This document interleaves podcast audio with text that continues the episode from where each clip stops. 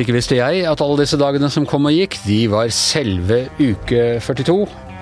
Og det går mot helg, Thomas. Det gjør det jo, Anders. Ja, Her er vi, da. her er vi.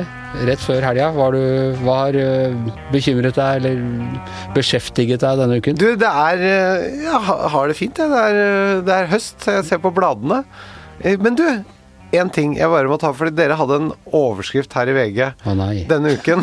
jo, men Der var det altså intervju med to Trump-velgere som da sa 'Vet dere ikke at viruset er en bløff?' Og Ja. så kommer det godt ned i artikkelen, så står det 'Vi gjør oppmerksom på at dette intervjuet er gjort før Trump ble koronasmittet'. ok. Og da tenker jeg, det kan jo hende at de ser litt annerledes på det etter det.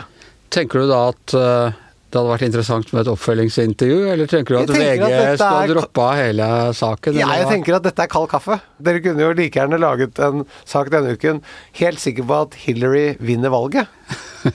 og gjør oppmerksom på at det ble tatt opp høsten øh, 2016? Nå går de vel fra å ha først trodd at det ikke fantes, til å tenke at det er veldig, veldig farlig, men at Trump er veldig, veldig sterk, som kom seg så veldig, veldig fort gjennom dette her. Det er vel nettopp det. Eh, Det går på at, at de veksler litt mellom å mene at det er en bløff, men samtidig er det veldig farlig, som, eh, som bare vår Supermann Trump klarer å overvinne det. Det som er litt deilig, er at man kan velge litt hvordan man vil forholde seg til det. Sånn er jo verden. Ja, sånn er, og sånn Også, blir den det må være for dem òg. Vi har en, eh, jeg holdt på å si årets mann som eh, gjest. Ja, det, det må vi kunne si. Nå, nå, nå gleder jeg meg til å få svar på en del spørsmål her. Hvis noen spør meg etter det, så vil jeg alltid kunne si at jeg sa det med årets navn før eh, Lenge før, lenge før avstemningen. Lenge før han ble årets Ja, men han er jo årets navn Ja. i folks hode. Må jo være det. Hjertelig velkommen. Fungas, eh, Espen Nakstad. Takk for det. Eh, du, vi må spørre deg, siden vi er på Trump og sånne ting. Mm. Er det noen teoretisk mulighet for at noen, USA, hvem som helst, kan presentere en vaksine før valglokalene stenger tirsdag 3. november? Det tror jeg er litt sannsynlig. Men hadde du spurt om det var Tourettes mulig før nyttår, så hadde jeg kanskje vært tilbøyelig til å si ja. Ja. Eh, at no, kanskje en av dem får en godkjenning før det, men eh, etter alle solmerker så blir dette rundt nyttår at de første godkjenningene vil falle på plass. da. Men er det, er det teoretisk mulig, sånn stang Alt er, inn? alt er teoretisk mulig. Det er som Trump. Så jeg er Ja. faktisk en av de som har dokumentasjon på at jeg gikk ut på Facebook før valget sist gang og sa at jeg trodde Trump ville vinne. Ja, ja, du er en av dem, ja. Etter å ha lest hva Nate Silver skrev om statistikk. Men eh, nei da, det, det, alt er teoretisk mulig, men det mest sannsynlige er at det blir ved nyttårstider at det begynner. Ja. Og så vil man uansett ikke få store mengder av vaksine de første ukene og månedene. Dette vil jo ta tid. Sånn at vi ser nok inn i første halvdel av 2021 før dette begynner å monne, i hvert fall i Europa, tror jeg. Men er det ikke også snakk om at det kan være ulik vaksine man går for i USA og Europa f.eks.? Ja, det er jo øh, ti vaksiner nå i siste fase av utprøving. Og det er jo øh, vaksiner som bruker i hvert fall tre forskjellige teknologier, så det er tre ganske forskjellige typer vaksine. Eh, Noen fordeler med noen av dem øh, i forhold til om de kan brukes på nytt hvis du trenger det, og andre kan ikke det osv. Men, men øh, det er mye å velge på. sånn at EU spiller på mange hester her og skriver avtaler med mange firmaer øh, for å sikre seg å kunne kjøpe da den beste, og også kanskje de som blir bedre etter hvert også. Men du, det er én ting jeg bare ikke forstår i forhold til vaksinespørsmålet, og det er at eh, nå har man jo prøvd å lage vaksine mot SARS. Man har, lager jo influensavaksiner, og det er nye hvert år fordi de går ut. Og de som kommer hvert år, tar heller ikke alle influensaene.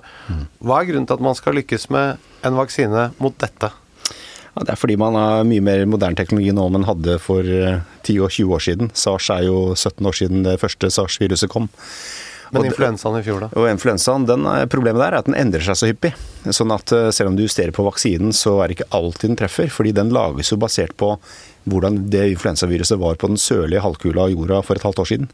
Og så kan det da mutere og endre seg en del, og da treffer ikke alltid vaksinen. Men når det gjelder disse koronavaksinene, så eh, så har det vist seg at det å sånn tradisjonelle vaksiner hvor du dreper virus eller inaktiverer det, og så injiserer du det, det tør man ikke helt med denne sykdommen. fordi det kan også gi en del uheldige bivirkninger. At du får måte noen av de samme reaksjonene som du ville fått på et levende virus, muligens.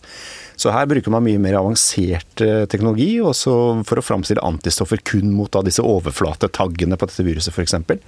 Og og så er det enda mer avanserte teknologier hvor man da Eh, bruker eh, deler av viruset som er veldig ulikt det vi har i menneskekroppen, og som gjør at det blir veldig sånn eh, spesifikk immunitet, da, som også kan gjentas med oppvaksinering. Så det, det, er komplisert, men man spiller på mange hester, og jeg tror dette kan bli veldig bra etter hvert, selv om det tar litt tid. Men hvis jeg forstår riktig, hvis den er veldig spesifikk, hvor mange varianter er det av det viruset her nå, da? Nei, akkurat det Hvis du sammenligner med influensa, hvor det da endrer seg ganske hyppig, som du sier, så er ikke det blitt et problem enda med dette koronaviruset. Eh, det er ikke noe tegn til at det har mutert i en grad som gjør at det har vesentlig endret egenskapene sine, enten når det gjelder smittsomhet eller sykelighet. Men det kan skje. Men er det sannsynlig det som, at det vil skje, eller er det sånn? Ja, altså det, på et eller annet tidspunkt vil det skje. Spørsmålet er om endringen er så stor at det da påvirker noen av disse vaksinene f.eks. og gjør at de ikke er virksomme. Det kan skje. Men det kan også være at det, dette viruset vil fortsette å sirkulere rundt jorda selv om vi begynner å vaksinere folk, og at om to-tre år så vil det endre seg såpass mye at du da må endre på disse vaksinene igjen. Men er det, det ikke allerede nå veldig mange forskjellige mutasjoner av det viruset? Altså små nyanseforskjeller? Masse forskjellige mutasjoner, for det har jo spredt seg til mange millioner mennesker. Men ingen av de mutasjonene er store nok til vesentlig grad å endre hvordan viruset ser ut og oppfører seg. Nei, og det betyr at de vaksinene som det jobbes med nå, er overordnet nok, så vi er ikke liksom på en vaksine som treffer tredjedesimalen? Ja, det er de. De, er liksom, de tar utgangspunkt i hvordan viruset ser ut og er kartlagt nå. Og da er det særlig overflateproteinene på dette viruset, ikke sant? disse spikene som stikker mm. opp. Eh, og selv om dette virusets genetiske kode endrer seg litt hele tiden, så har ikke formen på viruset eh, endret seg vesentlig, i hvert fall ennå. Men det, det er jo noe man følger med på. Du, eh, vi må skryte litt av oss selv. Norge kom best ut på, på en undersøkelse til, eh, fra Det europeiske senter for forebygging av og kontroll med sykdommer, som, som ble presentert i forrige uke. Og som lavest eh, smittetall. Jeg vet ikke om det, eh, om det er avhengig av akkurat hvilken periode man ser på, eller om det gjelder eh, siden I hvert fall siste 14-ukersperioden så har vi vært lavest i Europa, ja. ser det ut som nå. Ja.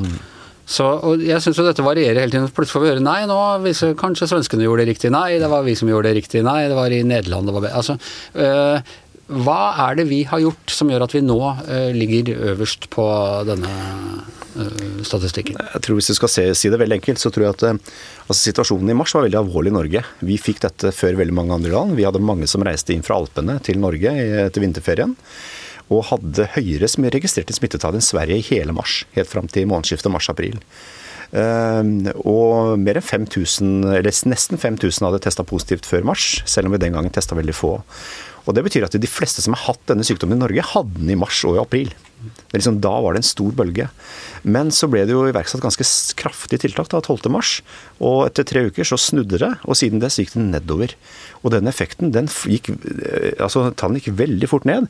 Og de fortsatte å gå ned, helt inn i sommeren.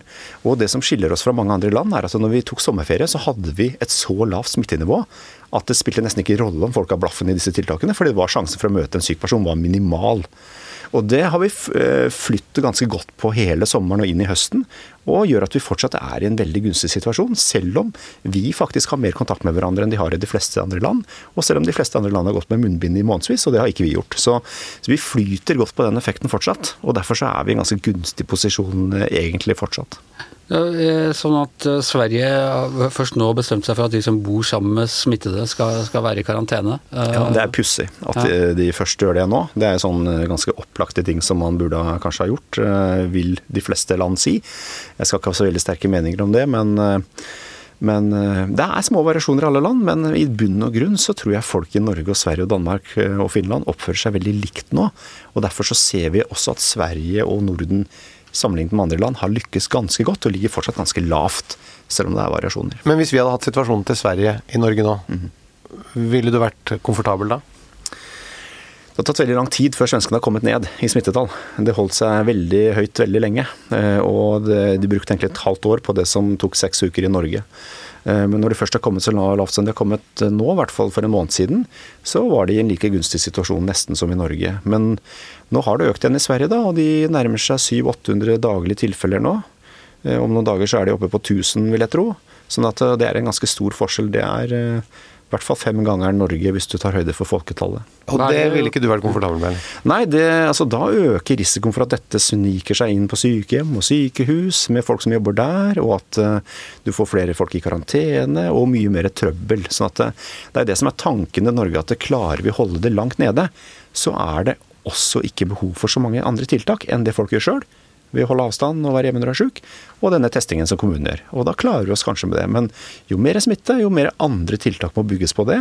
Og det er jo egentlig ingen som ønsker. Men hva med det flokkimmunitetsaspektet? Er det fortsatt eh, noe de tror på i Sverige? Det vet ikke jeg, men eh, jeg tror det er ingen i den store verden som tror på det, i hvert fall. Eh, Fordi vi har sett at, eh, at uh, veldig få har gjennomgått denne sykdommen så langt i verden. Eh, Under 10% i de fleste land. Og vi ser at antistoffene forsvinner fort ut av blodet, sånn at det er egentlig ingen holdepunkter for at du får noe varig immunitet av å ha vært syk. Eh, Og så kan du si heldigvis på en måte, fordi det øker på en måte incitamentet til å holde dette nede.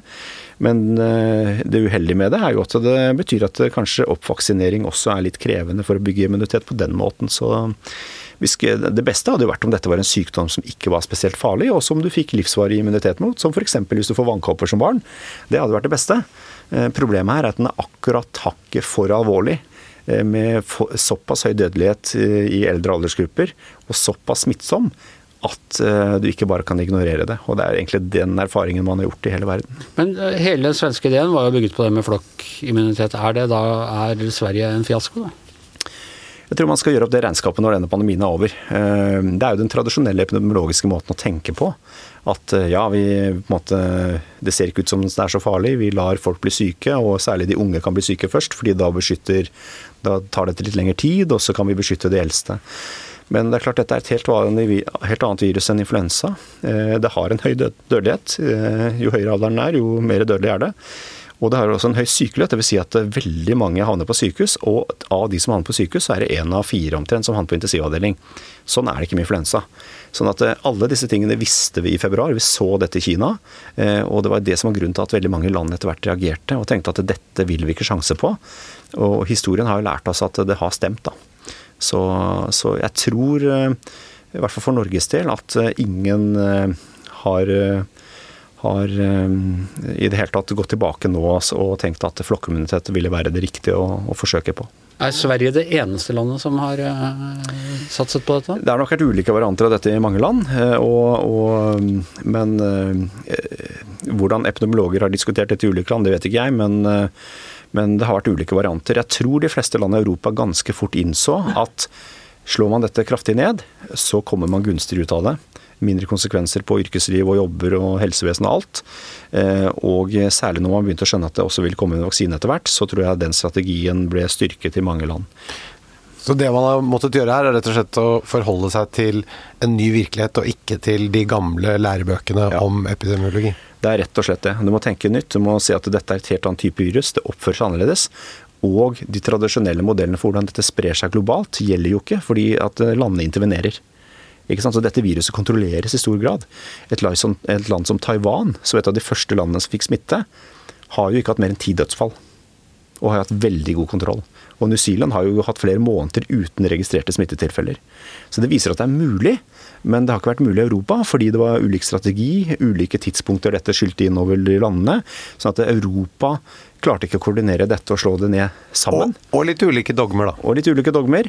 eh, Og ja, ingen andre verdensdeler har vel egentlig Men, klart det heller. men hva kommer det av at altså, hvis all epidemiologisk sedvane kan du si, tilsier at her må vi få flokkimmunitet og beskytte de gamle, og den svenske modellen, hvorfor var det bare Sverige som eh, valgte den? Hvor, Nei, hva var det som det- gjorde at andre eh, Var det panikk, eller var Det det vet jeg ikke, men det jeg kan si for Norges del er at vi så veldig godt hva som skjedde i Kina, og både hvor alvorlig situasjonen var i Wuhan, når man måtte begynne å bygge brakkesykehus eh, 24-7 for å oppskalere sengekapasitet. Vi så hvor mange som ble lagt inn som hadde pusteproblemer, hvor mange som havnet på intensivavdeling. Alt dette ble tidlig publisert i forskningsartikler, eh, og det var åpenbart at viruset var, ga mer alvorlig sykdom enn influensa. Så at De kliniske observasjonsdataene for å kalle det det, eh, var veldig entydige. Eh, og, og, også måten dette spredde seg på, så man veldig tidlig at enkelte land, f.eks. Taiwan, lykkes veldig tidlig. Så, så det, det, var mye å lære av dette i tidlig fase, og, og vi lærte i hvert fall av det. Hva er det viktigste vi vet nå som vi ikke visste i mars? Vi, eh, det er i hvert fall veldig mye vi vet som vi ikke visste i februar. Ja. Eh, men du kan si det vi i hvert fall lærte oss gjennom mars, da, det var jo at eh, det går an å få kontroll på et sånt virus. Som tross alt er ganske enkelt, på den måten at det smitter bare hvis du hoster og nyser på folk. Og det er liksom kortversjonen. Mm. Det går an å kontrollere, det er viktig å få med seg. Det går an å behandle med god kvalitet hvis ikke du blir for overveldet på sykehus. Det har vist seg. I Norge så har vi jo god overlevelse på intensivavdelingene sammenlignet med land som har hatt kraftigere bølger. Og det er en grunn til det. Det er at uh, vanskelig behandling krever litt ro og gode ressurser og ikke noe kaossituasjon. Har det eh, også noe med folkehelsen å gjøre generelt? Eh, ja, det er muligens også. Det er i hvert fall så Det som vi også har lært, som særlig de siste månedene som er veldig interessant, det er at vi har sett noen gunstige effekter av denne pandemien, faktisk. Vi har sett at spedbarnsdødelighet ser ut til å ha gått ned, i hvert fall i noen land. Fordi... At det, og at det er færre hjerteinfarkter og, og sånne ting. Og det kan være effekter av at folk tar det mer med ro. Mm. At gravide går ikke og presser seg på jobb, de er hjemme og slapper av. Det kan være en effekt. Og det at det er mindre influensa og infeksjonssykdom generelt, som da bidrar til sånne betennelsesreaksjoner i kroppen, kan være gunstig for en del sykdommer, muligens. Så, så, det er veldig interessant. Og totaldødeligheten i Norge og mange andre land er lavere i år enn den pleier å være. Og det er også fordi at det har vært fryktelig få som har dødd av influensa i år fordi de også har hatt effekt av de tiltakene fra mars. Så det er sånne interessante ting. Det er ganske ny kunnskap, vil jeg si, som, eh, som sikkert blir forsket mye på i året som kommer. Fordi den, den situasjonen som var i Nord-Italia f.eks., den var jo helt vill. Og det virker jo ikke som vi ser den igjen egentlig noe sted. Nei, og det er fordi alle land har tiltak. Folk oppfører seg fornuftig. Så dette vokser ikke like raskt som det gjorde den gangen. Da vokste det rett i været. Nå så er det en mer gradvis økning, heldigvis, i Europa. Men det gjør også det at den bølgen kan vare litt lenger, fordi ingen er villig til å slå like kraftig til som i mars. Så det tar lengre tid å komme ned igjen. Så jeg tror nok vi ser i Europa nå starten på en bølge som blir mer langvarig. Kanskje varer den helt til vi får en vaksine, eh, men som er mer trøblete for landene fordi at den er så langvarig. Eh, og, og, det koster mye å få kontroll. Så det, det, er en litt eh, kjedelig situasjon vi går inn i nå i høst i Europa. Det er det. Og det er jo altså eh, Frankrike har erklært ny sånn Ikke unntakstilstand, men helse... Ja, nasjonalt helsekrise, sier ja. de. ja. Mm. Og, og, EU, det er toppmøte i EU i dag, og de skal egentlig snakke om brexit, men det er bare covid. Mm. Det er fortsatt en alvorlig situasjon i Europa, dette her? Absolutt. Vi ser at, at mange land nå får en ordentlig kraftig bølge nummer to.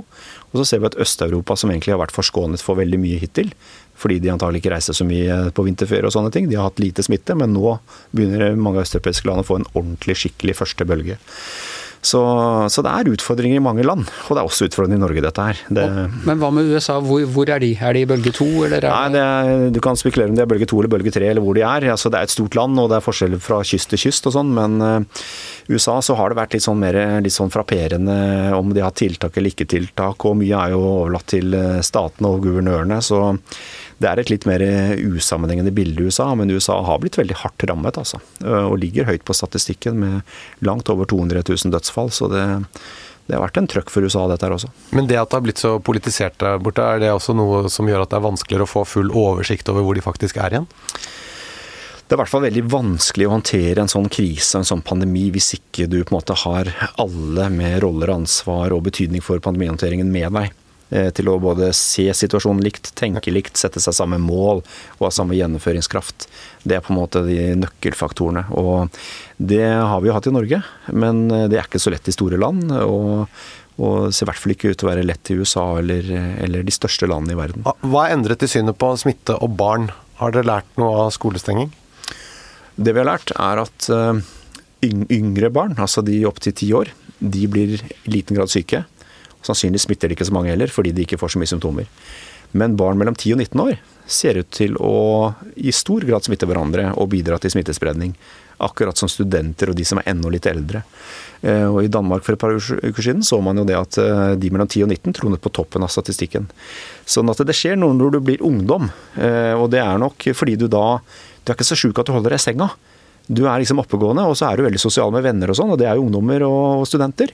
Og derfor så smitter de veldig mange. Så det er fellesnevneren for hele Europa i høst har jo vært at det har vært unge voksne som har trukket da denne snittalderen veldig ned, og, og, som har bidratt veldig mye til smittespredningen i hele Europa. Eh, og det er ikke så, så forunderlig at det skjer, men det gjør også det at eh, du kan få ganske høye smittenivåer før det begynner å spre seg til de eldste som faktisk blir syke og som blir lagt inn på sykehus. Men jeg har jo en sønn på 11 år. Mm. Og i den klassen hans, mm. det er jo ikke noe énmeter der. Mm. De er jo oppå hverandre og dytter på hverandre. Det betyr ja. jo egentlig at jeg er i samme kohort som alle de barna, og alle familiene til de barna, er ikke det? Jo, men det er derfor det er så viktig å ha lavt smittenivå i Norge, da. Fordi da går det stort sett bra. Eh, og så, er det jo en grunn til at vi alltid, når vi sier dette med vaske hender og hostehygiene og sånn, så er det én ting vi alltid sier først, og det er vær hjemme hvis du er sjuk. Fordi da smitter du ingen andre. Så det er fortsatt det viktigste. Og da kommer ikke den sjuke eleven i den klassen, og da blir ikke det noe problem med den kohorten. Så, Bortsett fra de fem dagene før når han ikke er, eh, har symptomer, da. Det kan du si, men eh, dette med asymptomatisk smitte, det er nok eh, det mest vanlige er at du har symptomer når du er smittsom. og Jo mer virus du har i slimhinne, jo mer symptomer har du, og jo mer virus kan spres. Så selv om det er mulig å smitte rett før du merker det selv, så, så kommer du veldig langt hvis du holder deg hjemme når du blir sjuk. Det var snakk om i, i mars eh, at eh, man kunne få 20-30 opptil 40% av befolkningen eh, ville bli smittet på et eller annet tidspunkt. Er det fortsatt tall man opererer med? Ja, dette var jo sånne epidemiologiske modellberegninger som var veldig ulike i veldig mange land, hvor man tok litt utgangspunkt i tradisjonelle modeller og sånn for influensaspredning. Og det har vist seg å ikke stemme. Det hadde nok stemt hvis ikke man gjorde noen ting. Mm. Det tror jeg. Hvis man hadde satsa på flokkimmunitet? Ikke sant. Satsa på, eller tenkt at dette var en vanlig influensa, bare latt det skure og gå, så hadde jo dette spredd seg veldig fort. Ehm, men fordi at man intervenerte og hadde smittebegrensende tiltak og ba folk om å, å følge med og være hjemme når de var syke f.eks., så spredde det seg ikke så mye i det hele tatt. Og så så man ganske fort at det gikk faktisk an å få dette reproduksjonstallet under igjen, dvs. Si at det, pandemien avtar fordi en person smitter færre enn en annen. Og det lå ikke til grunn for de modellene. Men, i senere modeller så har man jo tatt høyde for den reelle smittespredningen sånn som den er, da. Men dette var det jo FHI som Det var jo Aavitsland som sa dette eh, på debatten i begynnelsen av mars der. Så det betyr at FHI hadde en annen plan for hvordan dette skulle håndteres, enn det da eh, regjeringen og Helsedirektoratet bestemte, da, eller? Hva de ulike aktørene både i Norge og i andre land har tenkt om det, det, det kjenner jeg ikke detaljene på. Men det er klart at eh, det var sånn i mars at eh, vi måtte velge en strategi. Og, og den anbefalingen vi kom med i Helsedirektoratet, i hvert fall, var jo en slå ned-strategi hvor du skulle prøve å begrense smittespredningen mest mulig. Eh, og den har fått oppslutning i hele Norge, den. Og vi har jo av erfaring i hvert fall lært at det var gunstig. Eh, og Jeg tror mange land gjorde seg den erfaringen, men tidlig i mars så visste man jo ikke helt hvordan dette ville bli. altså Hvordan var dette viruset? Vi hadde jo veldig lite data på det. Eh, sånn at, eh, at ut fra det som er dokumentert og forska på, så var det på en måte veldig vanskelig å predikere dette her. Men ut fra det man så etter hvert i ulike land, så, så, så ble nok de fleste sikrere og sikrere på at en såkalt slå ned-strategi var riktig. Da. Men du, altså, du, var jo nervøs, eh, Thomas. Jeg var litt den tradisjonelle som snakket. Jeg hadde lest et eller annet om, om eh, gruppeimmunitet og sånne ting. Og Thomas eh, stressa litt mer på det når vi, når vi, vi hadde akkurat satt i gang med podkast da dette her skjedde. Og det jeg lurer på, når var du mest stressa? Når var du mest engstelig for at dette her skulle gå galt av sted? Jeg var mest engstelig i februar for om eh, man ville se alvoret i Norge og tørre å, å, å iverksette tiltak. Det var jeg nervøs for. Eh, men ganske fort så fikk jeg en trygghet på at det var man.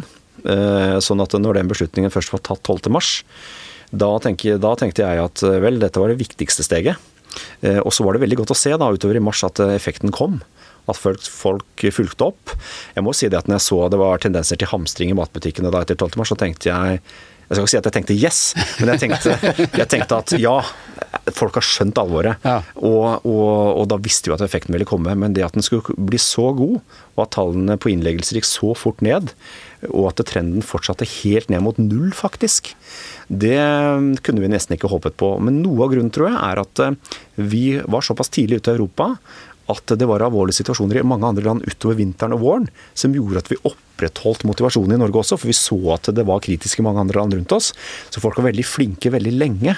Og derfor, når sommeren kom, så lå vi på et utrolig lavt eh, nivå med smitter i Norge. Og det det hadde vi litt flaks med, tror jeg, hvis vi skal sammenligne andre land. Men du hadde jo kollegaer som var eh, smittet ganske tidlig, og det var karantener. Eh, var du redd for å bli sjuk selv?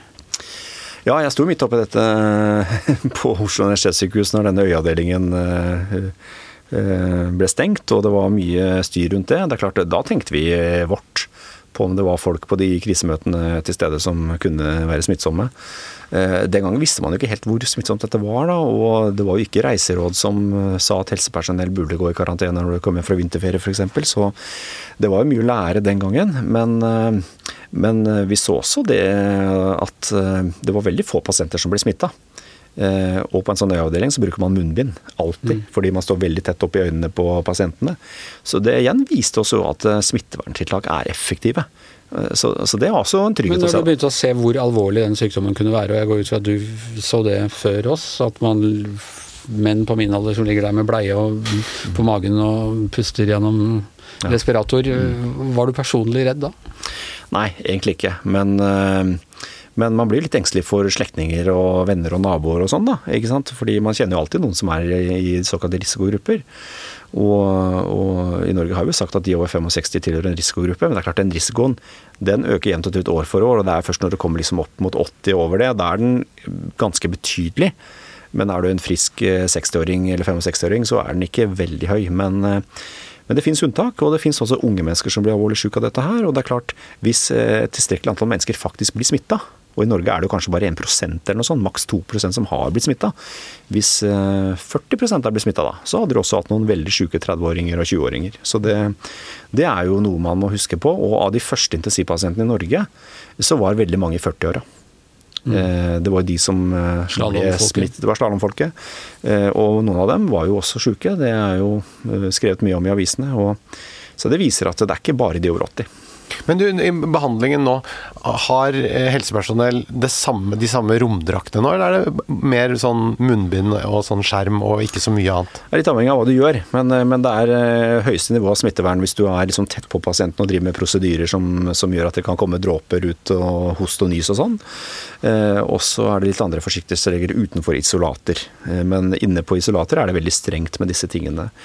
Men, så der har man ikke senket, så det ser helt likt ut som det gjorde i mars? Eh, ja, det er samme, samme nivå og samme krav. Eh, og, og, man har virkelig jobbet med smittevern også i de avdelingene på sykehusene som ikke er vant til det til vanlig. Som egentlig ikke har infeksjonspasienter. De har også lært seg alt dette her. Så kompetanseløftet i Norge på smittevern har jo blitt ganske betydelig da, også på sykehus. Og I tillegg så har vi nå også smittevernsutstyr? Nå har vi masse. Eh, det har vi egentlig hatt hele tiden, heldigvis. Men det var kritisk eh, tidlig i mars. Det er ikke noe tvil om det. Ja, Har vi hatt det hele tiden? Ja, det har vi. Vi har hatt, eh, hatt nok. Selv om det har vært litt på håret noen uker, så har alle som har trengt det, fått det. Men det er også noe å lære av denne pandemien, at når det landet som er hovedprodusenten av sånt utstyr, selv blir rammet, så skal vi i hvert fall være glad for at kineserne fikk kontroll. Ja. Hadde de ikke fått det, og hele Kina hadde blitt rammet, så hadde det ikke blitt eh, eksportert så veldig mye utstyr i mars, april og mai, tror jeg. Så og vi stoler på at de har kontroll? Vi har i hvert fall uh, vist seg at de har hatt veldig god kontroll siden det utbruddet i Wuhan.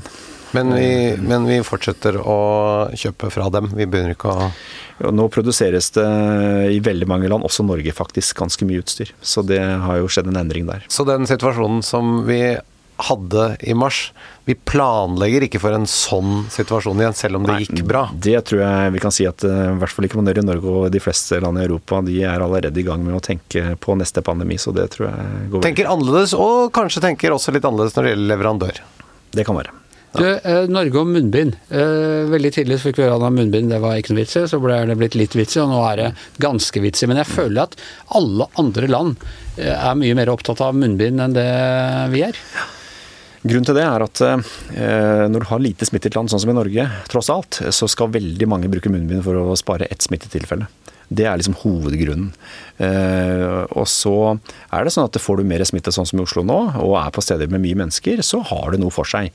Men det virker jo best hvis den som er syk har det på seg. Og den personen skal jo helst være hjemme, da. Men hvis han likevel beveger seg ut, så er det jo veldig effektivt hvis du bruker munnbind selv. Eh, og så er det en viss beskyttende effekt for alle andre også, som er friske. Så, men så er det også en signaleffekt, og det gjør at folk kanskje skjerper seg litt når de ser folk med munnbind og, og sånn. Men uh, dette er ikke en lett materie, fordi at uh, smittenivået i Norge har fram til nå vært så utrolig lavt. At, og vi har lykkes også uten å bruke munnbind i Norge bedre enn veldig mange andre land. Så det viser at det er først når smitten blir betydelig at det er et viktig tiltak. Men hvis du kløner med munnbindbruken, mm. la oss si at det kommer inn på en trikk, mm. og så sitter alle der inne med munnbind, mm. og ingen av de er smittet, men så kommer jeg inn mm. og har korona, og, og, så går jeg og hoster gjennom ja. hele den eh, trikken. Ja, da er de bedre beskytta enn de ville vært uten munnbind, men de er ikke supergodt beskytta. Og det viktigste da er at de har avstand til deg avstand er viktigere. Fordi de dråpene, de små dråpene som kommer ut av munnen og nesa di når du hoster og nyser, de går ikke så fryktelig langt. Eh, og hvis du da har god avstand, så detter de ned på bakken. De rekker aldri å treffe noe munn eller nese eller øyne på de andre. Eh, og det, de bitte små dråpene som eventuelt flyr litt lenger, såkalt aerosoler, eller luftsmitte som vi kaller det, de vil kunne stoppes av de munnbindene. Så sånn sett så går det bra. Men fare for å gjenta meg selv, som jeg jo da har gjort en del ganger på denne podkasten denne høsten, men jeg hadde jo første gang jeg satt på trikken så kjente jeg jeg måtte nyse. Og da er jo min innskytelse Jeg har ikke lyst til å nyse inn i den der som jeg har klistra over hele ansiktet. Som å gjøre det rett i bleia. Så du trakk den ned? ja, det var innskytelsen jeg klarte å stoppe før jeg gjorde det. Jeg tenkte, Mann på nesten 60 som sitter og tar av seg munnbindet for å nyse på trikken. Dette kaller jeg ikke en gjentakelse, dette kaller jeg en ønskereprise. ok, da sier vi det. Men du, hvor lenge tror du at du har den jobben? Eller at du kommer til å jobbe med dette? Nei, jeg har sagt at jeg er disponibel eh, så lenge jeg trengs, og det er vel eh, godt ut i 2021, tenker jeg. Eh, det er mitt perspektiv på det. Og så en ting til. Når folk møter deg Du svarer jo så hyggelig og godt og vennlig. Jeg får lyst til å spørre deg 10 000 spørsmål, sånn som i heisen på vei opp her og sånn. Er du skikkelig lei av å prate om korona? Som alle andre så begynner jeg å bli litt lei korona. så, men, eh, men, samtidig så Endringer i korona er, er lik endringer i samfunnet om dagen. altså Det påvirker absolutt alt.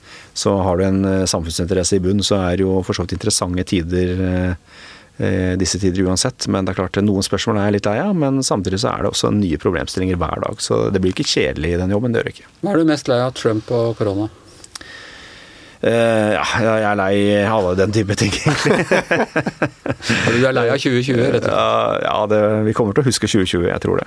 Jeg tror det. Du, helt til slutt, hvis du uh, Og dette skal jeg forberede deg på, men vi spør øh, alle våre gjester om de har brukt penger på noe utover mat og klær for å putte penger inn i økonomien. Har du kjøpt deg et eller annet den siste uka som bidrar til å trekke oss ut av hengemyra?